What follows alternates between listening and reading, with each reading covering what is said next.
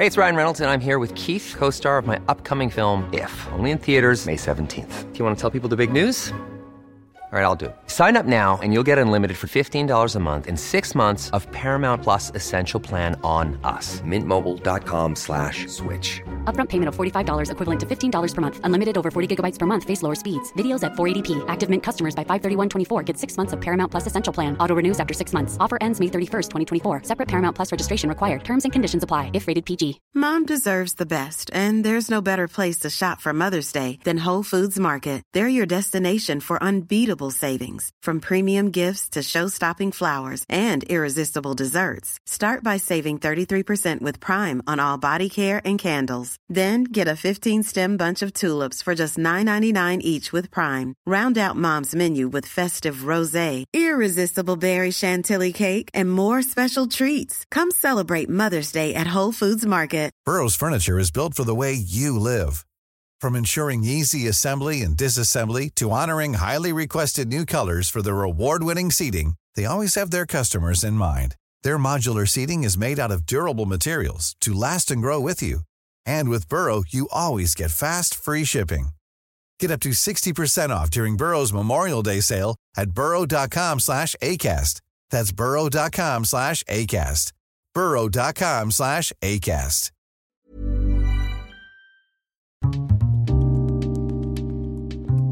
Programmet handlar om en noga utvald bok och ett samtal med dess författare.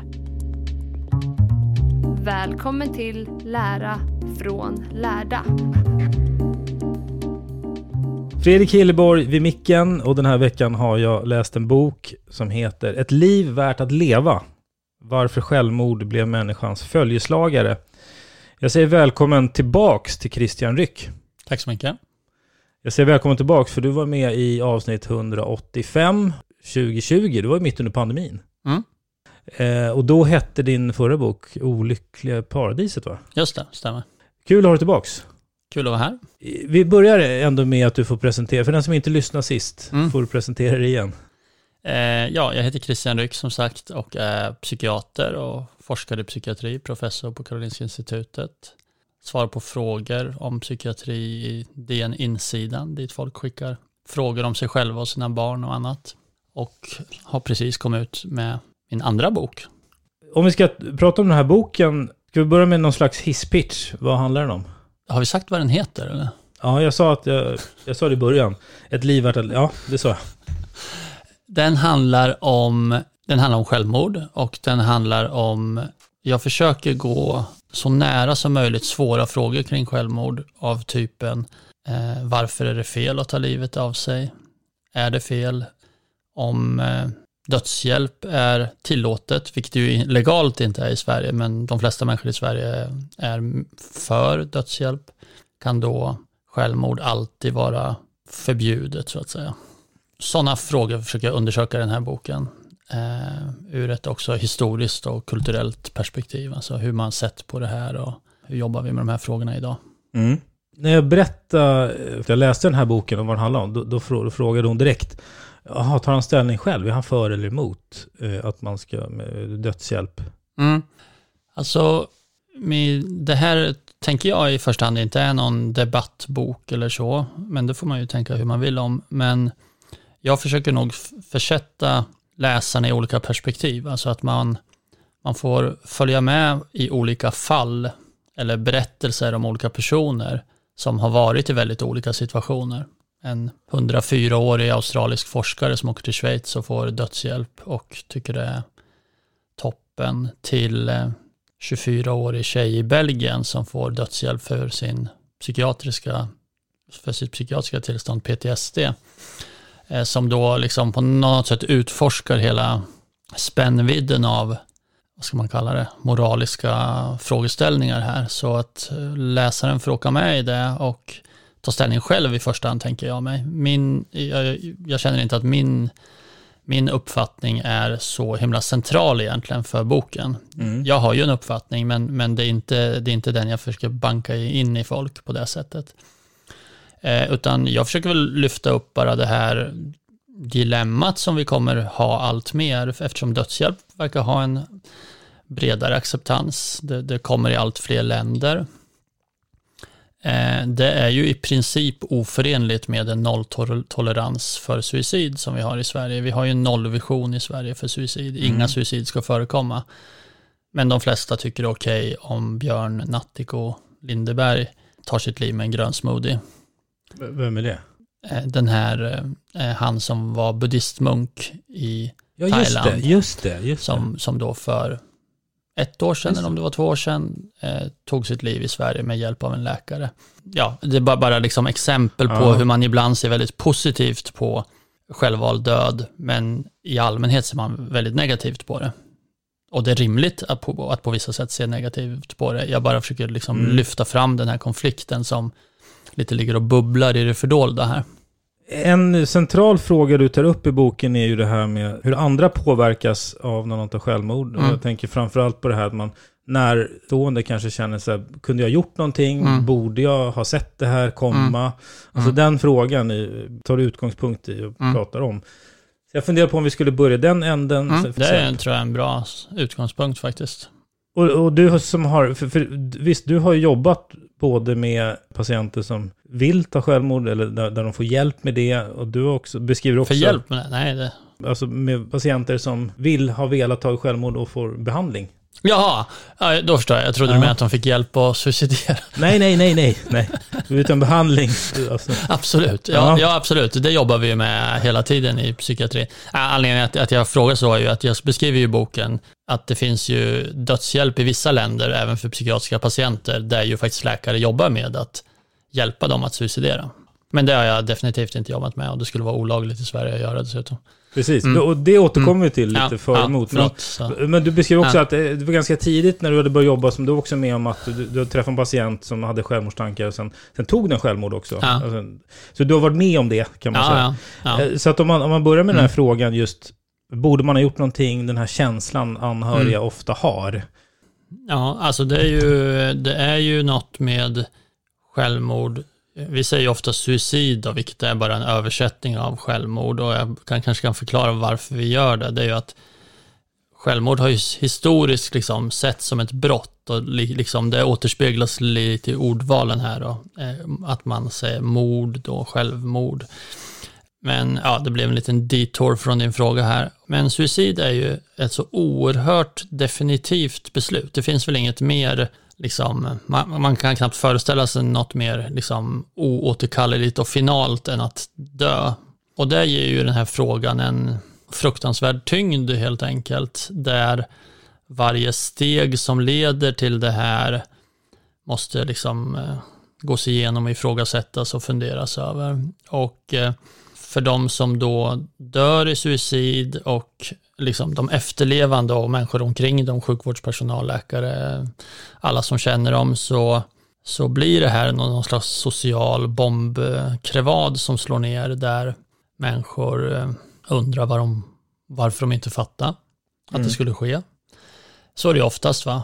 Eh, Det är klart att det finns en del där man där det har varit liksom eh, hänt självmordsförsök eller att det finns andra tecken på att det är något som inte är bra. Men även där är det ju, om folk visste att det skulle ske imorgon kväll på det och det sättet så skulle ju folk ha ingripit. Så, så det finns ju något med att man blir liksom, eh, att det här sker som en, som en chock, kommer som en chock.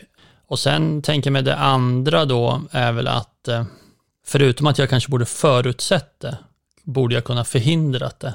Borde jag mer än att kunna förutsäga det också gjort saker? Borde jag ringt oftare? Borde jag gjort det? Borde jag som läkare lagt in patienten? Borde jag? Och så vidare. Eh, så det här föder ju ofta mycket skuld hos anhöriga. Boken börjar ju med att beskriva min fasters suicid då när jag var ur en, mitt 11-åriga jags perspektiv så att säga. Att även ur ett barns perspektiv så blir det, blir det här så att säga den dåliga döden och att man försöker förstå hur det kommer sig och eh, för de som lever vidare då att eh, fundera på, borde de gjort någonting och så. Det är något som sker hela tiden. Det är alltså så att i en av tio familjer, eller något fler till och med i Sverige, har direkta erfarenheter av suicid och suicidförsök. Alltså att någon i, den, i familjen har gjort det.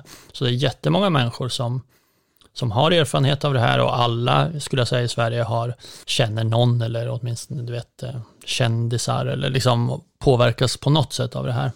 Då, då tror jag att det finns några liksom så föreställningar som är viktiga att fundera över. En är ju så här, hur väl kan man förutsäga suicid? Mm. Det är något, något som jag skriver en del om och det är ju något som då vi som jobbar kliniskt med det här lever med varje dag. Och där, där tror jag det finns en, en felaktig föreställning om att det går att förutsäga det här med väldigt hög precision. Alltså det är klart, om någon kommer till mig med ett rep runt halsen och säger jag ska hänga mig när jag går härifrån, då kommer jag ingripa. Men det är även i, i fall där folk rapporterar självmordstankar och så, ganska svårt att säga exakt om det kommer ske eller inte. Många av dem som, som bedöms som hög risk kommer inte göra det. Och sen finns det en, en del fall som där de inte har sagt någonting och det kommer mer eller mindre från en blixt från klar himmel-grejen då. Ja, jag tänker hur ofta hur man rapporterar om det här och pratar om det så låter det alltid som någon har missat något så att säga. Va? Och jag tänker att det är olyckligt att tänka på det sättet för det innebär på något sätt att sluteffekten tror jag blir att folk blir lite rädda för suicidala personer. Alltså att man är väldigt rädd för att man själv ska göra fel eller bli anklagad efteråt. Så liksom på något sätt tror jag det här leder till en viss beröringsskräck med de som egentligen behöver, liksom behöver mest. Då, då. Det andra är väl att även när vi har förstått att det finns en risk för suicid så har vi inga helt liksom, fantastiska metoder för att stoppa det. Det är klart att i det enskilda fallet så kommer folk rapportera om att eh, det här och det här hjälpte mig och för de allra flesta är det ju lyckligtvis så att det blir aldrig, leder aldrig till döden det här. Men det är inte så att sjukvården eller anhöriga eller andra har metoder som gör att det här alltid kan förväntas försvinna eller att vi kan eliminera risken. Och man får också tänka på att risken är väldigt varierande. Va? Alltså att de flesta som dör i suicid, de, de vill inte dö. De bara kan inte leva just då. Så det finns ofta oerhört mycket ambivalens kring det. Det är inte så att man har bestämt sig och sen en månad så är det en supertydlig beslutsprocess och sen utför man någonting som man skulle laga sin cykel eller något liknande, utan det går upp och ner jättemycket. Så det kan vara så att när du träffar den här personen så var det på ett sätt, men sen när det händer så har, är det på ett annat sätt och det kunde inte du veta när du träffar personen, för det var inte på det sättet då. Mm. Och, och, allt det här tror jag bidrar till liksom en, eh, det är nog viktigt att liksom på något sätt förhålla sig till den här realiteten och inte låtsas som, som att det skulle vara, allt skulle bara bli perfekt om vi gjorde det, det ena eller det andra. Utan mm. Självmord är liksom, som bokens undertitel också, att det är lite grann människans följeslagare här. Och det vore bra om det inte vore så, men önsketänkande kommer inte hjälpa oss heller. Så att ett medskick, eller en poäng, är det här med att det är fallet faktiskt väldigt svårt att förutse. Så att det gör ju också att man, man kanske inte ska lägga skulden på sig själv om man skulle känna det efter att man har någon i närheten som har tagit självmord. Nej, det, det, det, tänker jag är eh, sant i allmänhet. Det är klart man kan alltid hitta fall där ja, någon var jätteelak mot någon eller eh, någon läkare var liksom helt knasig och missade jätteuppenbara saker och så. Det är klart det finns fall och det finns absolut saker vi kan göra bättre hela tiden och, och så vidare. Men, mm. men i allmänhet så beror inte suicid på att personer missar saker eller glömde ringa eller så. Nej. Mm. Och just det, och, och, som du sa, det där, du beskriver också i boken att det, ibland kan det vara ett plötsligt beslut, ibland kan man ångra sig, eller upp mm. och ner. Du mm. beskriver även ett fall där någon som hoppar och ångrar sig i luften och så mm. lyckas överleva mirakulöst, ja. till exempel. Ja. Så det finns varianter åt alla håll då. Ja. Man tänker ju också, ja men vilka är det som tar självmord och egentligen mm. varför? Ja, det är ju en, såklart intressant för att dels om man, om man backar ett steg då så kan man säga att en intressant sak är ju att suicid verkar vara unikt mänskligt. Även om jag inte kan leda i bevis att inga djur suiciderar så är det i så fall extrema undantag. Delfiner. Och, ja, precis. Det skriver jag en del om. Att de delfinsjälvmord som har rapporterats om är troligtvis myt, myter, skulle jag säga. Och, och, av en del djur finns det ju otroligt många djur. Det finns enormt många hundar och katter och det finns sjukt många kycklingar. Jag tror det finns någonstans 50 miljarder kycklingar just nu.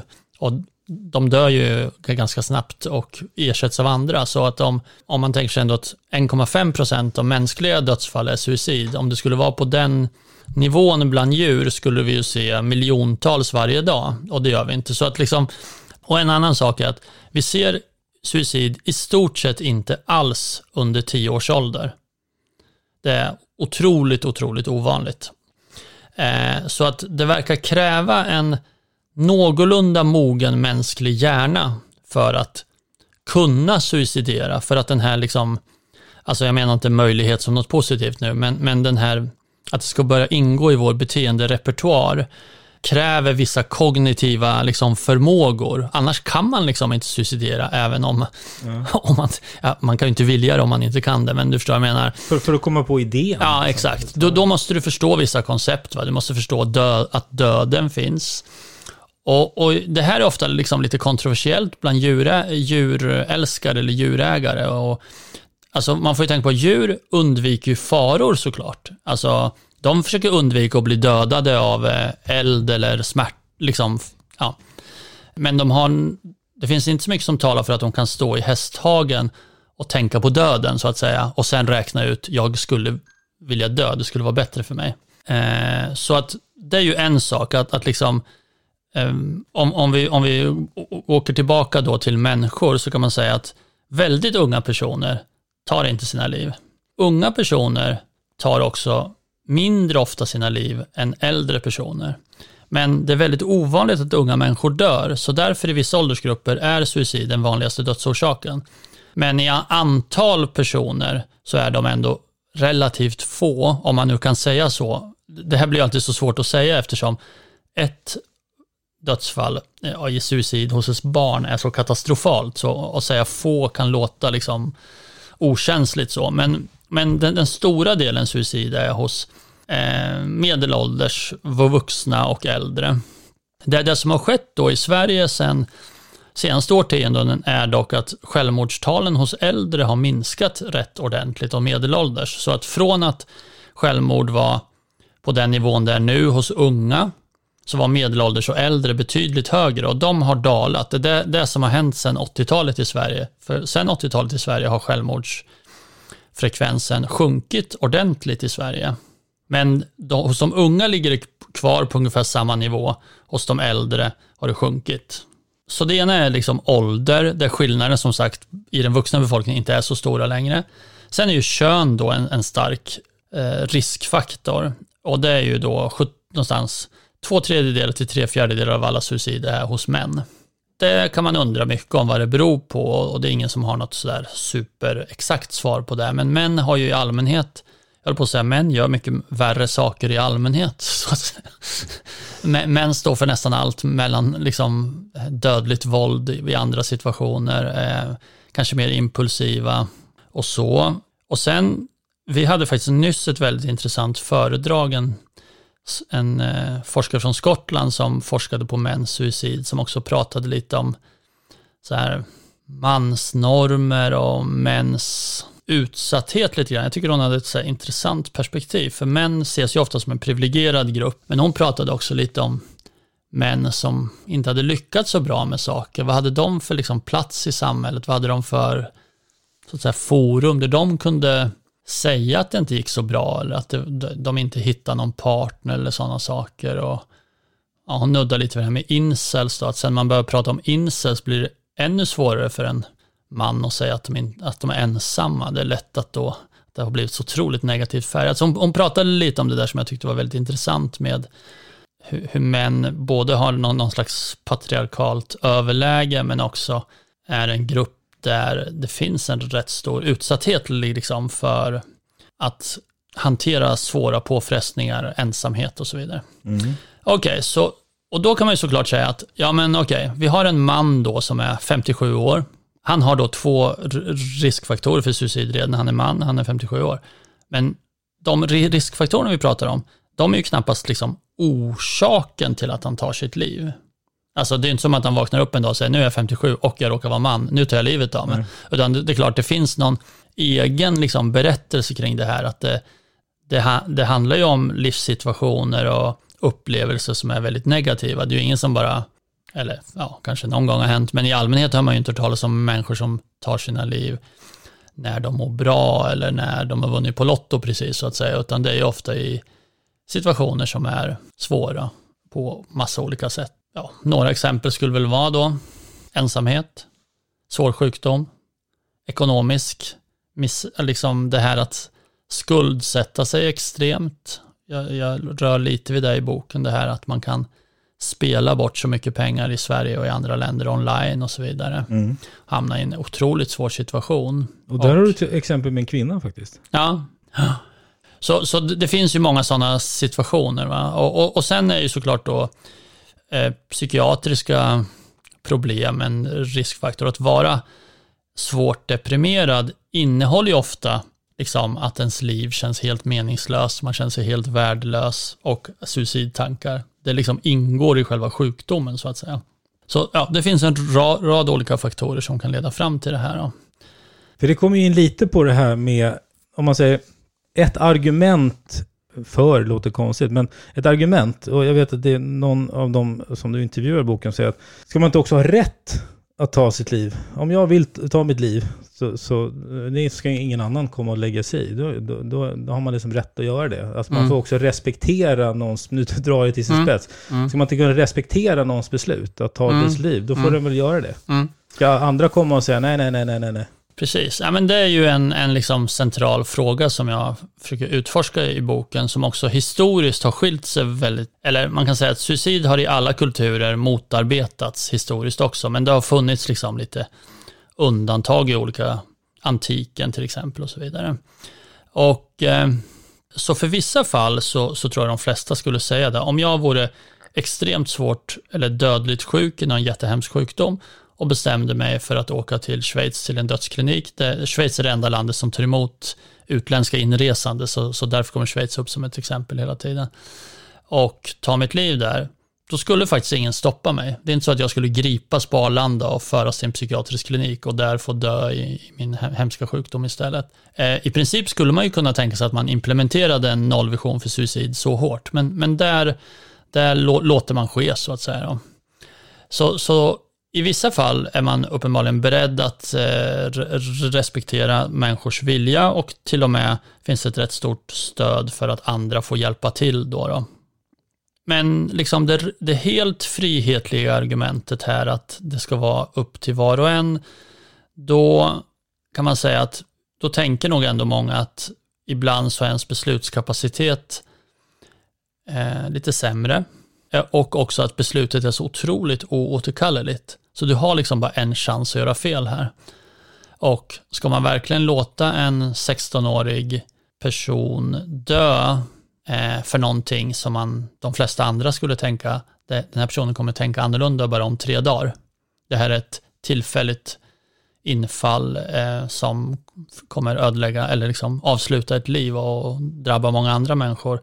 Det borde vi inte låta ske. Och så har man liksom Ja, det finns, det finns ingen kultur som jag känner till som skulle säga att det är okej, okay, utan det, det verkar som det finns någon slags mänskligt konsensus om att vi borde inte låta, låta, låta sånt ske. Och sen finns det såklart en, ett gränsland där, där, där det blir lite svårare. En person som känt sig att ens liv är meningslöst i 20 år och nu är 75 år, ska han få avsluta sitt liv eller, eller ska vi om man har gjort försök, är det, är det fortfarande, ja, det finns en zon där, där, där folk kanske skulle tycka lite olika. Och i boken skriver jag en hel del om psykiatrisk dödshjälp i Belgien då, där ju även personer med, som jag skulle säga, helt vanliga liksom behandlingsbara psykiatriska tillstånd faktiskt får eh, hjälp av, eller de blir, för att uttrycka sig lite brutalt, dödade av en läkare. Alltså de, det är en, läkare som utför eutanasi med ett läkemedel. Och det finns ett rätt så stort folkligt stöd för i Belgien och Holland och det håller på att införas i Kanada nu. Och de, de fallen tycker jag är intressanta för de är så extremt eh, utmanande och tycker jag provocerande. Där har jag försökt intervjua både de läkare som är med och tycker det här är en bra idé att utföra bitvis och jag intervjuar också en person som Eh, blev beviljade här och sen senare ångrade sig och sen liksom har funderat mycket kring det själv och så. Eh, hennes perspektiv och hennes makes perspektiv också. Det här liksom hisnande idén att ens partner skulle säga att hon skulle ta sitt liv via eutanasi och man ska vara del av det på något sätt. Mm. Så, så liksom, jag, jag försöker i boken liksom utforska hela, hela det här, jag vet inte om man kan säga obehagliga gränslandet, men ja, lite obehagligt tycker jag nog att det är och bitvis mycket obehagligt. Men det verkar vara något som händer i samhället ändå. Det här är en trend som finns. Vi går mot ett slags individualiserat tänk kring döden, att man kanske ska ta kontroll över den själv. Och I Holland är det nu 6% av alla dödsfall som är eutanasi. Så eutanasi har blivit fyra gånger så vanligt som suicid där.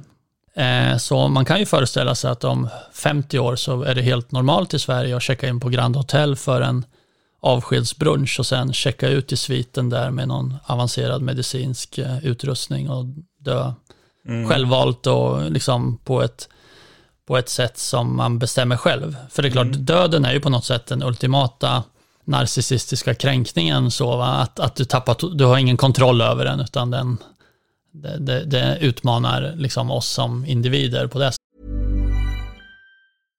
Hiring for your small business? If you're not looking for professionals on LinkedIn, you're looking in the wrong place. That's like looking for your car keys in a fish tank.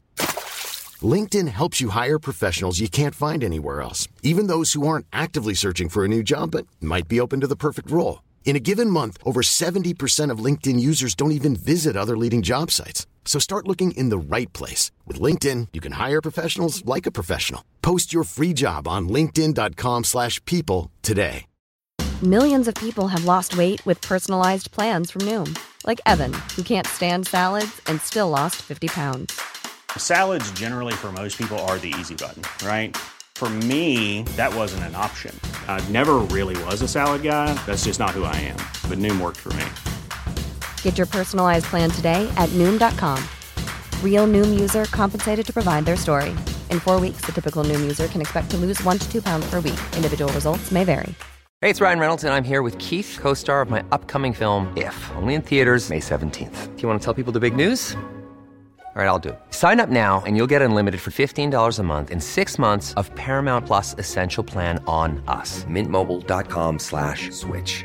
Upfront payment of $45 equivalent to $15 per month. Unlimited over 40 gigabytes per month. Face lower speeds. Videos at 480p. Active Mint customers by 531.24 get six months of Paramount Plus Essential Plan. Auto renews after six months. Offer ends May 31st, 2024. Separate Paramount Plus registration required. Terms and conditions apply if rated PG. Sättet. En viktig del av det här tycker jag är ju också att, eh, och det är också så kanske som du ser i din, i din yrkesroll, att alltså, vad ska man säga, orsakerna bakom. Låt säga, alltså, ponera att det skulle vara så att det är helt friska, pigga, glada människor som bara säger, ah, nu har barnen vuxit upp, nu, nu har jag gjort mitt, ah, men nu, jag har inga problem i övrigt, men nu vill jag bara avsluta mitt liv, nu är jag klar. Mm. Det är inte riktigt så, utan det är ofta andra orsaker. Alltså depression, mm. Mm. som du sa, det kan vara alkohol och droger och mm. skulder och massa mm. saker. Mm. Och då vill det är snarare att man tittar på vad kan man, vad är orsakerna och vad kan man göra åt dem som drar ner eh, livsgnistan eh, så att säga. Det är egentligen där Precis, det här första fallet du, du berättar om, va? att någon bara känner jag har levt klart men jag liksom inte är deprimerad eller liksom, jag skriver faktiskt i boken om ett sånt fall också, en 80-årig kvinna som och då är det ändå ålder. Som, som tycker så här, men eh, 80 är inte så himla mycket skulle man säga idag. Va? Och så. Men så, så sådana finns ju, men, men det är absolut som du säger, det är ju inte alls de vi möter i sjukvården i Sverige. Och då blir det ju lite en så här kamp då, ja men ska inte den här personen som är psykiatriskt frisk få bestämma själv? Och, eh, ja, man, man kan tycka olika där. Jag tänker ju såklart att en, en mer, hur ska man säga, liberal eller eh, en syn där alla får göra som de vill, den, den kommer då ha ganska allvarliga konsekvenser för människor som är suicidala av andra skäl, alltså som är helt vanliga suicidala personer. Alltså om, om jag menar, i Holland har man diskuterat även med, jag tror en ganska sådär, inte så stark strömning om att det skulle finnas ett last will pill då. Alltså att eh, Folk skulle kunna gå till apoteket efter en viss ålder och bara hämta ut ett piller så kan du dö. Du, alltså, det är också något som dödshjälpsrörelsen har gjort en del i en del länder, att man försöker komma bort från att sjukvården ska ha monopol på en säker och bekväm död, utan att man försöker liksom eh, ge makten till individen helt. Att Det finns ett piller. Du, du behöver, ingen behöver blandas in. Du behöver inte få, ingen annan ska liksom bestämma då att just du får dö eller du får inte dö. Ja, det, det, är en svår grej och det är viktigt kanske att säga, i Sverige har vi ju ingen, är ju dödshjälp, ja, det, jag använder lite förenklade begreppet dödshjälp här, det finns många varianter på det, men i Sverige är ju inte det tillåtet. Nej. Men eh, det, det på gång i rätt många länder och ja, sprider sig. Just det där pillret låter ju som ett mordpiller som man kan använda till andra.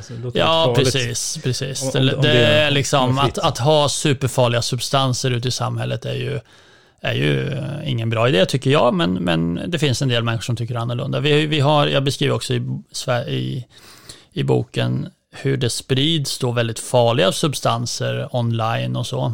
Och hur även människor som har skaffat dem på ett ganska krångligt sätt, en del av dem ångrar sig efter de har tagit det, men då är det för sent. Då, mm. då dör de medan de pratar med 112. Va? Och det tycker jag, för mig är sådana fall så pass liksom, jag vet inte, skrämmande och hemska att då tycker jag att individens frihet får stå tillbaka där. Alltså att, att det finns andra människor som skulle tycka det var rätt för dem och så. Ja, det, där, där tycker jag att det är rimligt att samhället eh, skyddar individer, även om det i det enskilda fallet kan ibland kanske vara rätt eller fel. Men det, det måste också vara i din eh, yrkesroll, det måste vara märkligt. Jag har ju aldrig träffat en person som har uttryckt att den, alltså på något, varit i närheten av att den mm. har uttryckt att den vill ta sitt liv, inte vill leva längre. Mm. Det måste ju vara märkligt att uh, höra nästan. Ja, så kanske det är. Jag, menar, jag håller ju på med läkarutbildning och läkarstudenter också. Jag märker att det, det är ett liksom, för många studenter är det här ett jobbig grej att fråga. Vi, vi tränar ju dem att fråga om sånt här. Och man märker att för en del är det liksom så här en, de är väldigt obekväma att göra det. Eh, så det är en del av det vi övar på, att de helt enkelt ska fråga om det, ungefär som man frågar om vädret, eller liksom, det, det ska inte vara någon big deal att fråga om det. Men, men i, om man jobbar i psykiatrin så frågar vi om det här hela tiden. Därför blir man nog efter ett tag lite blind för att det kanske är en ja, mer udda fråga, eller hur man ska uttrycka sig. För oss är det inte konstigt, vi, vi frågar alla patienter om det. Mm. Um, och jag uppfattar heller inte att patienter i allmänhet tycker det är konstigt. De förväntar sig nästan att vi ska fråga det. Men vad kan man göra åt det då? Om, om man tänker åt andra hållet, om, om man då resonerar kring det, men det är klart att det, det ska inte vara tillåtet med dödshjälp, man ska snarare hjälpa. Mm. Vad kan man göra? Vad, vad funkar?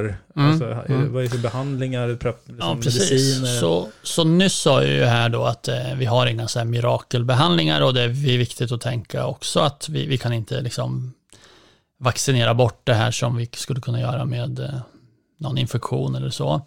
Men, men samtidigt finns det ganska intressanta metoder som är enkla, som verkar ha effekt, som, som bygger lite på att folk kanske egentligen inte vill dö. Om vi tar broräcken till exempel. Det sätts ju upp eh, på ja, känd bro i Stockholm till exempel och precis som man faktiskt gjort klart Golden Gate-bron nu efter att den har funnits i nästan hundra år. Ett nät som man har satt upp på sidan då för att skydda människor. Och det är ju så att de flesta av de här metoderna, eller ett annat sånt exempel skulle vara att mediciner försöker man som är toxiska, försöker man ta bort ur, liksom inte ha i burkar där du kan gurgla i dig 100 tabletter på en gång, utan de sitter i så här blisterförpackningar, så du får ändå sitta och trycka ut 100 tabletter i så fall. Och då tänker man lite att under den tiden det tar att trycka ut 100 tabletter hinner du tänka om. Och lite så med broräcken också, de är liksom inte omöjliga att klättra över. Det är bara lite så här, en liten knuff i rätt riktning om man säger så. Och det fascinerande är att det finns ju rätt mycket studier på att det, ja, alltså, till exempel i Washington DC då finns det ja, kanske tre kilometer norr om Vita huset finns det en, det går en canyon genom stan som är rätt så djup, kanske 40 meter djup eller något liknande. Och på ett ställe går det två broar över, de där broarna har funnits jättelänge. De utgår från samma gatkorsning, den ena går liksom västerut, den andra söderut, rakt mot Vita huset. Och på den som var eh, åt ena hållet så satte man upp räcke 1986. Och det var då den bro i stan folk hoppade från. Då hoppade ingen, men de gick inte till andra bron heller och hoppa. Fast det var, alltså, det var bara att gå tillbaka 100 meter och gå ut på andra bron och hoppa, det var lika långt ner där.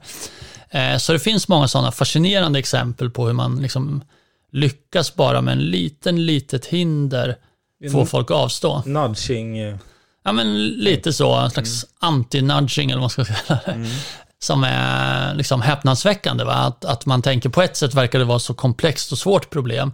Men om, om du bara kan få folk att leva lite till så kommer de inte dö. Och, och det är också det som jag tänker motiverar såklart att det är orimligt att säga till folk, ja men om du vill ta livet av det, let's go liksom. Alltså, att, att det, det skulle vara en helt orimlig tolkning av hur det är för de flesta människor. Så, så det finns ju en hel del sådana metoder man tar till då, som det finns något annat exempel som var att eh, om eh, militärer inte tar med sitt vapen hem på helgpermissioner, om de alltså lämnar in det på fredagen så att säga och sen åker hem utan vapnet, så min, minskar suicid betydligt i den gruppen. Och så, så det finns många sådana exempel på, som, som man kallar på engelska då, means restriction, alltså minska tillgången till suicidala metoder. Ta bort grejen liksom. Det är fortfarande såklart så att du kan hoppa i en kanal och dränka dig, absolut. Det finns alltid metoder på något sätt. Men du tar bort de, de mest lättillgängliga sätten att göra det på. Eh, så det är ju en metod som används då. Den används ju inte liksom alltid specifikt av sjukvården, utan det finns liksom, ja, används i samhället brett, ungefär som man har säkerhetsbälte för alla bilister, inte bara de som håller på att köra ihjäl sig. Och sen kan man säga att eh, det vi gör i psykiatrin mycket är ju faktiskt att försöka behandla psykiatriska tillstånd som vi, som vi tänker, ja, de skulle vi kanske behandla i vilket fall, men om man har en svår depression, då tänker vi att behandla depressionen kommer minska risken att du dör. En del skulle då säga att, ja men finns det så himla starkt stöd för att det har en specifik effekt på suicid? Mm, precis. Hur vet man? Ja. Det är svårt att ve- Så att mäta och faktum veta. är, ja, alltså det borde ju vara lätt att mäta så att säga. Det är ju bara att ta två grupper och se hur många som dör. Men då, då uppstår problemet att suicid är så, en, ändå så pass ovanligt. Så om du gör, låt oss säga en depressionsstudie där hälften får antidepressiva och hälften får placebo. Då kanske den pågår typiskt i 8-12 veckor, för du kan inte ha deprimerade människor på placebo hur länge som helst utan att det blir oetiskt. Och i en, så, I en sån grupp på några hundra personer du studerar så är det normala inga suicid. Så att, liksom, att kunna mäta en effekt av en intervention, alltså en, någon form av behandling, är jättesvårt. Och, och det beror inte på att studierna är dåliga, det är bara så att det är svårt att göra studier som mäter ovanliga utfall. Och då kan man säga att äh, är 1500 suicid lite? Nej, det är inte lite, men på en population på 10 miljoner människor är det en ovanlig händelse. Alltså matematiskt sett så att säga. Och det, det gör att, att det är rätt så svårt att, att visa specifika effekter för många av våra behandlingar. Så det är inte så att de flesta psykiatriska behandlingar har visat sig minska suicid. Men jag skulle säga att man inte av det kan dra slutsatsen att de har ingen betydelse eller är meningslösa. Eh, det finns några, litium till exempel, har visat då antisuicidal effekt. Så det finns en del, alltså litium som används vid behandling av bipolär sjukdom till exempel. Så, så det finns för en del grejer. Och så finns det också interventioner man kan göra efter suicidförsök eller för oss människor som har suicidtankar, specifika typer av psyko, psykologiska behandlingar eller andra typer av kortvariga behandlingar. Vi, vi tänker att till exempel bara att följa upp folk ordentligt eh, har en effekt. Att kontakta folk har visat sig, från början har varit extremt så här små saker man gjorde. Skicka vykort till folk och säga hej, hur är det? Vi, vi, tänk, vi bryr oss om dig. Alltså sådana små saker eh, har man gjort i olika typer av studier. Eller krisplaner, alltså där man går igenom väldigt noga med en person.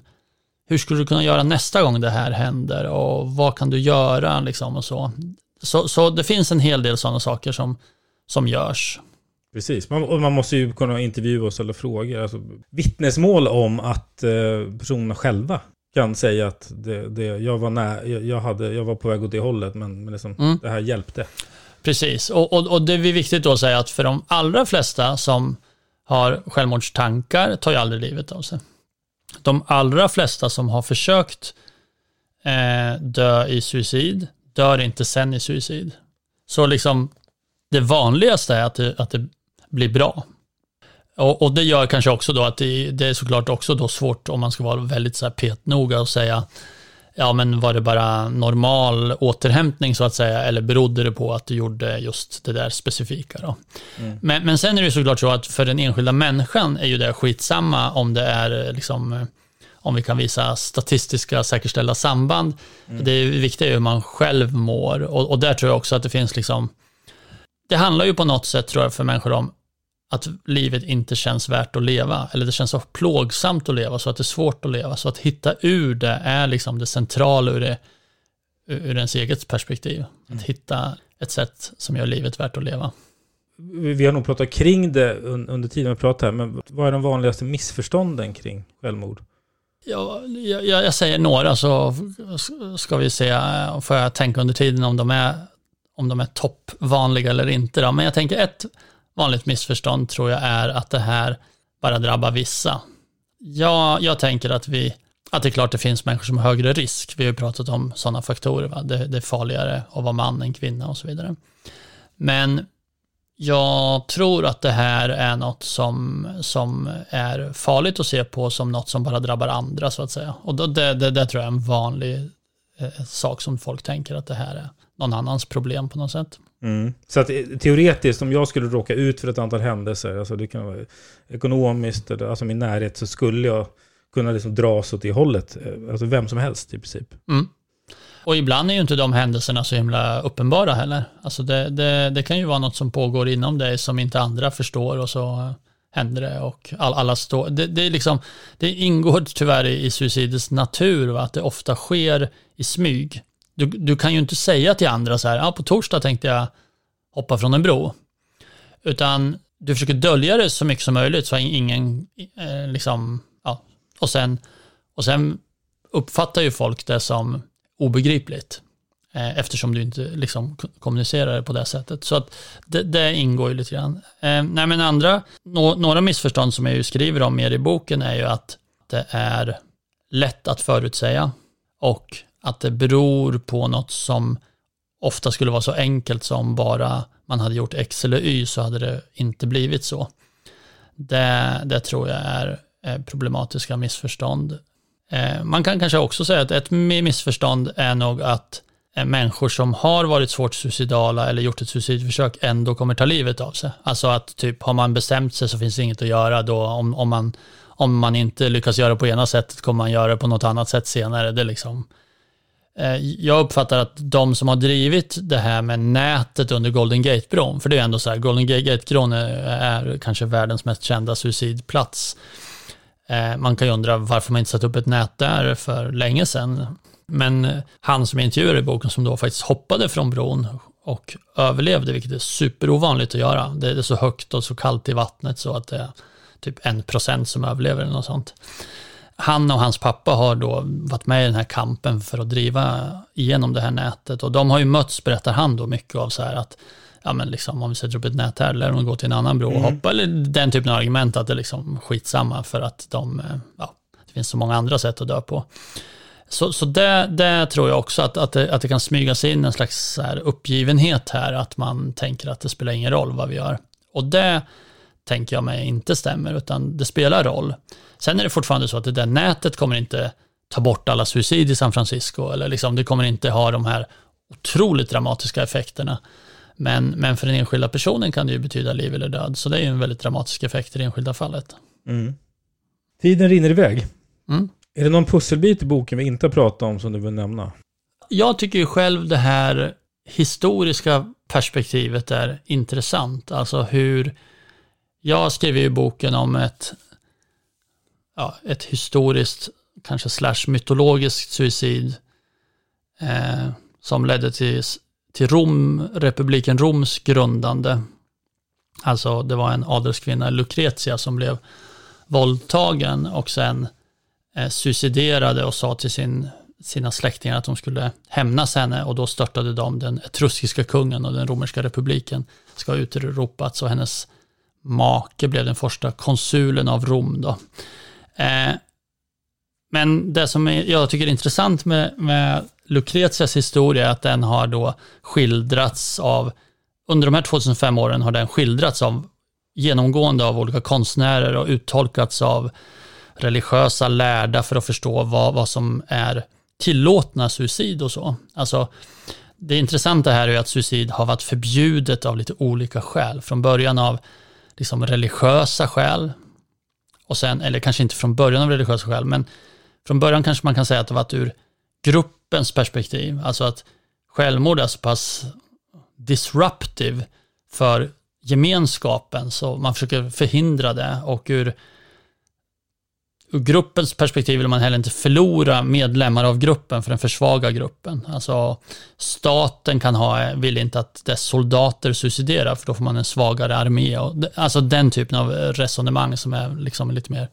praktiska eller hur man ska uttrycka Så sen, sen har det ju framförallt då i kristenheten har det blivit ett absolut förbud mot suicid, sett som en dödssynd. I eh, Dantes eh, Inferno så placeras de eh, suiciderade väldigt långt ner i helvetets kretsar. Så man har haft en väldigt negativ syn på suicid och det har också betraktats som brottsligt då delvis. Och det har ju egentligen varit på moraliska, kulturella, religiösa skäl bakom det. Och det är egentligen först de senaste hundra åren man har sett suicid som ett psykiatriskt medicinskt problem. Så man hamnar inte i fängelse längre idag om man eh, försöker suicidera. Men vi, på ett sätt är det fortfarande i någon mening förbjudet, alltså inte legalt förbjudet. För det är ju tillåtet i Sverige att suicidera legalt. Det finns inget, inget, det är inget brott att suicidera. Men vi har ju fortfarande en, ett system där då vården kan ingripa med tvång att tvångsvårda dig om du är, om du är svårt suicidal och antas också ha en psykiatrisk tillstånd. Eh, det har i Sverige bara senaste åren blivit olagligt att uppmuntra någon till suicid. Så att det finns liksom ett, ett förbud kvar, men det är Alltså inte ett legalt förbud, men typ semilegalt, eller man ska uttrycka sig. Men det är på medicinska skäl, så vi har liksom ändrat lite hur vi ser på det. Och, och det har historiskt också alltid funnits liksom vissa typer av tillåtna kulturellt sanktionerade suicid. Alltså att dö för äran eller under visst svårt lidande så varit okej. Okay. Mm. Eh, om vi tittar på Seppuku Harakiri som samurajerna i Japan utvecklade så var det liksom ett sätt för att dö under väldigt kontrollerade former på ett väldigt så här, disciplinerat och ärofullt sätt som lyfte fram liksom, gruppens ideal ända in i döden. Att du skulle dö på ett extremt smärtsamt och krångligt sätt med bevarad värdighet. Så, alltså, så in, in i det sista skulle du liksom den här värderingarna som gruppen hade skulle liksom levas ut in i det sista och, och visa hur viktiga de var. Så, så det finns många liksom så här, ja, kulturella, historiska aspekter av suicid som är väldigt intressanta tycker jag, som liksom på något sätt visar på hur man har sett på det här historiskt. Mm. En sak till kommer jag på nu. Mm. Har vi tid för det? Mm. Ja. Nej, men det är väl att man kan ju också se på suicid som en slags andra sidan av myntet kring, för jag, jag, jag tänker så här, suicid är intressant för många människor, men att leva är ju intressant för alla människor. Och frågor kring hur man lever sitt liv och vad som är ett meningsfullt och bra liv är ju något som väldigt många människor är intresserade av. Och då tror jag att suicid är ju på något sätt en, det värsta så att säga, den slags antimening, när, när livet har blivit helt meningslöst och inte värt att leva alls. Så jag tänker att det kanske informerar oss lite grann om vad är då ett liv värt att leva som är bra och meningsfullt? Alltså vad, vad är det egentligen som, som man vill ha som man saknar just då? Så det är ju också något som jag skriver en del om i boken. Vad, vad, är, liksom, vad är mening då? Om det här inte är mening. Mm. Alltså det är ju inte så att, när man, att, att min idé är att förmedla fem bästa tipsen för att bli lycklig så. Även om de kanske bitvis framgår lite grann också tror jag. För, för det verkar alltid vara ungefär samma sak som återkommer mm, ja. där.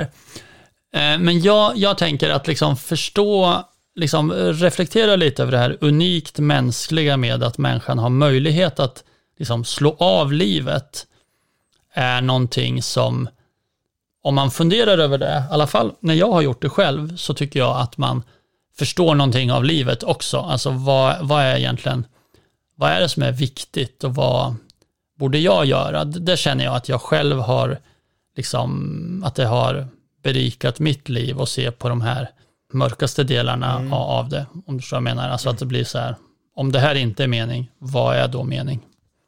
Jag brukar alltid avsluta med frågan, förutom läsa boken, har någon rekommendation till den som lyssnar? Jag skulle rekommendera att lyssna på Arne Bruns Radiohead-cover How to Disappear Completely som låt. Eh, nummer två skulle vara att eh, jag upplever själv att många människor tycker att den här typen av frågor kring liv och död och eh, vad som man borde få göra och, så. Det här är en ga- ganska bra kon- konversationsstarter att prata med folk om. Jag har inte varit med nästan någon gång om att, någon, att det inte startar väldigt intressanta konversationer med folk.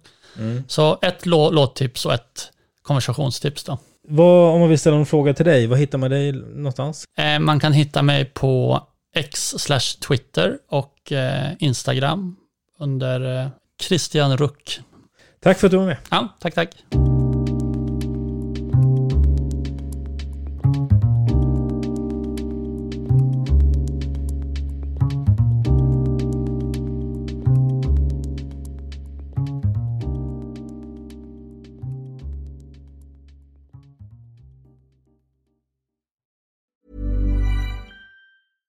Even when we're on a budget, we still deserve nice things.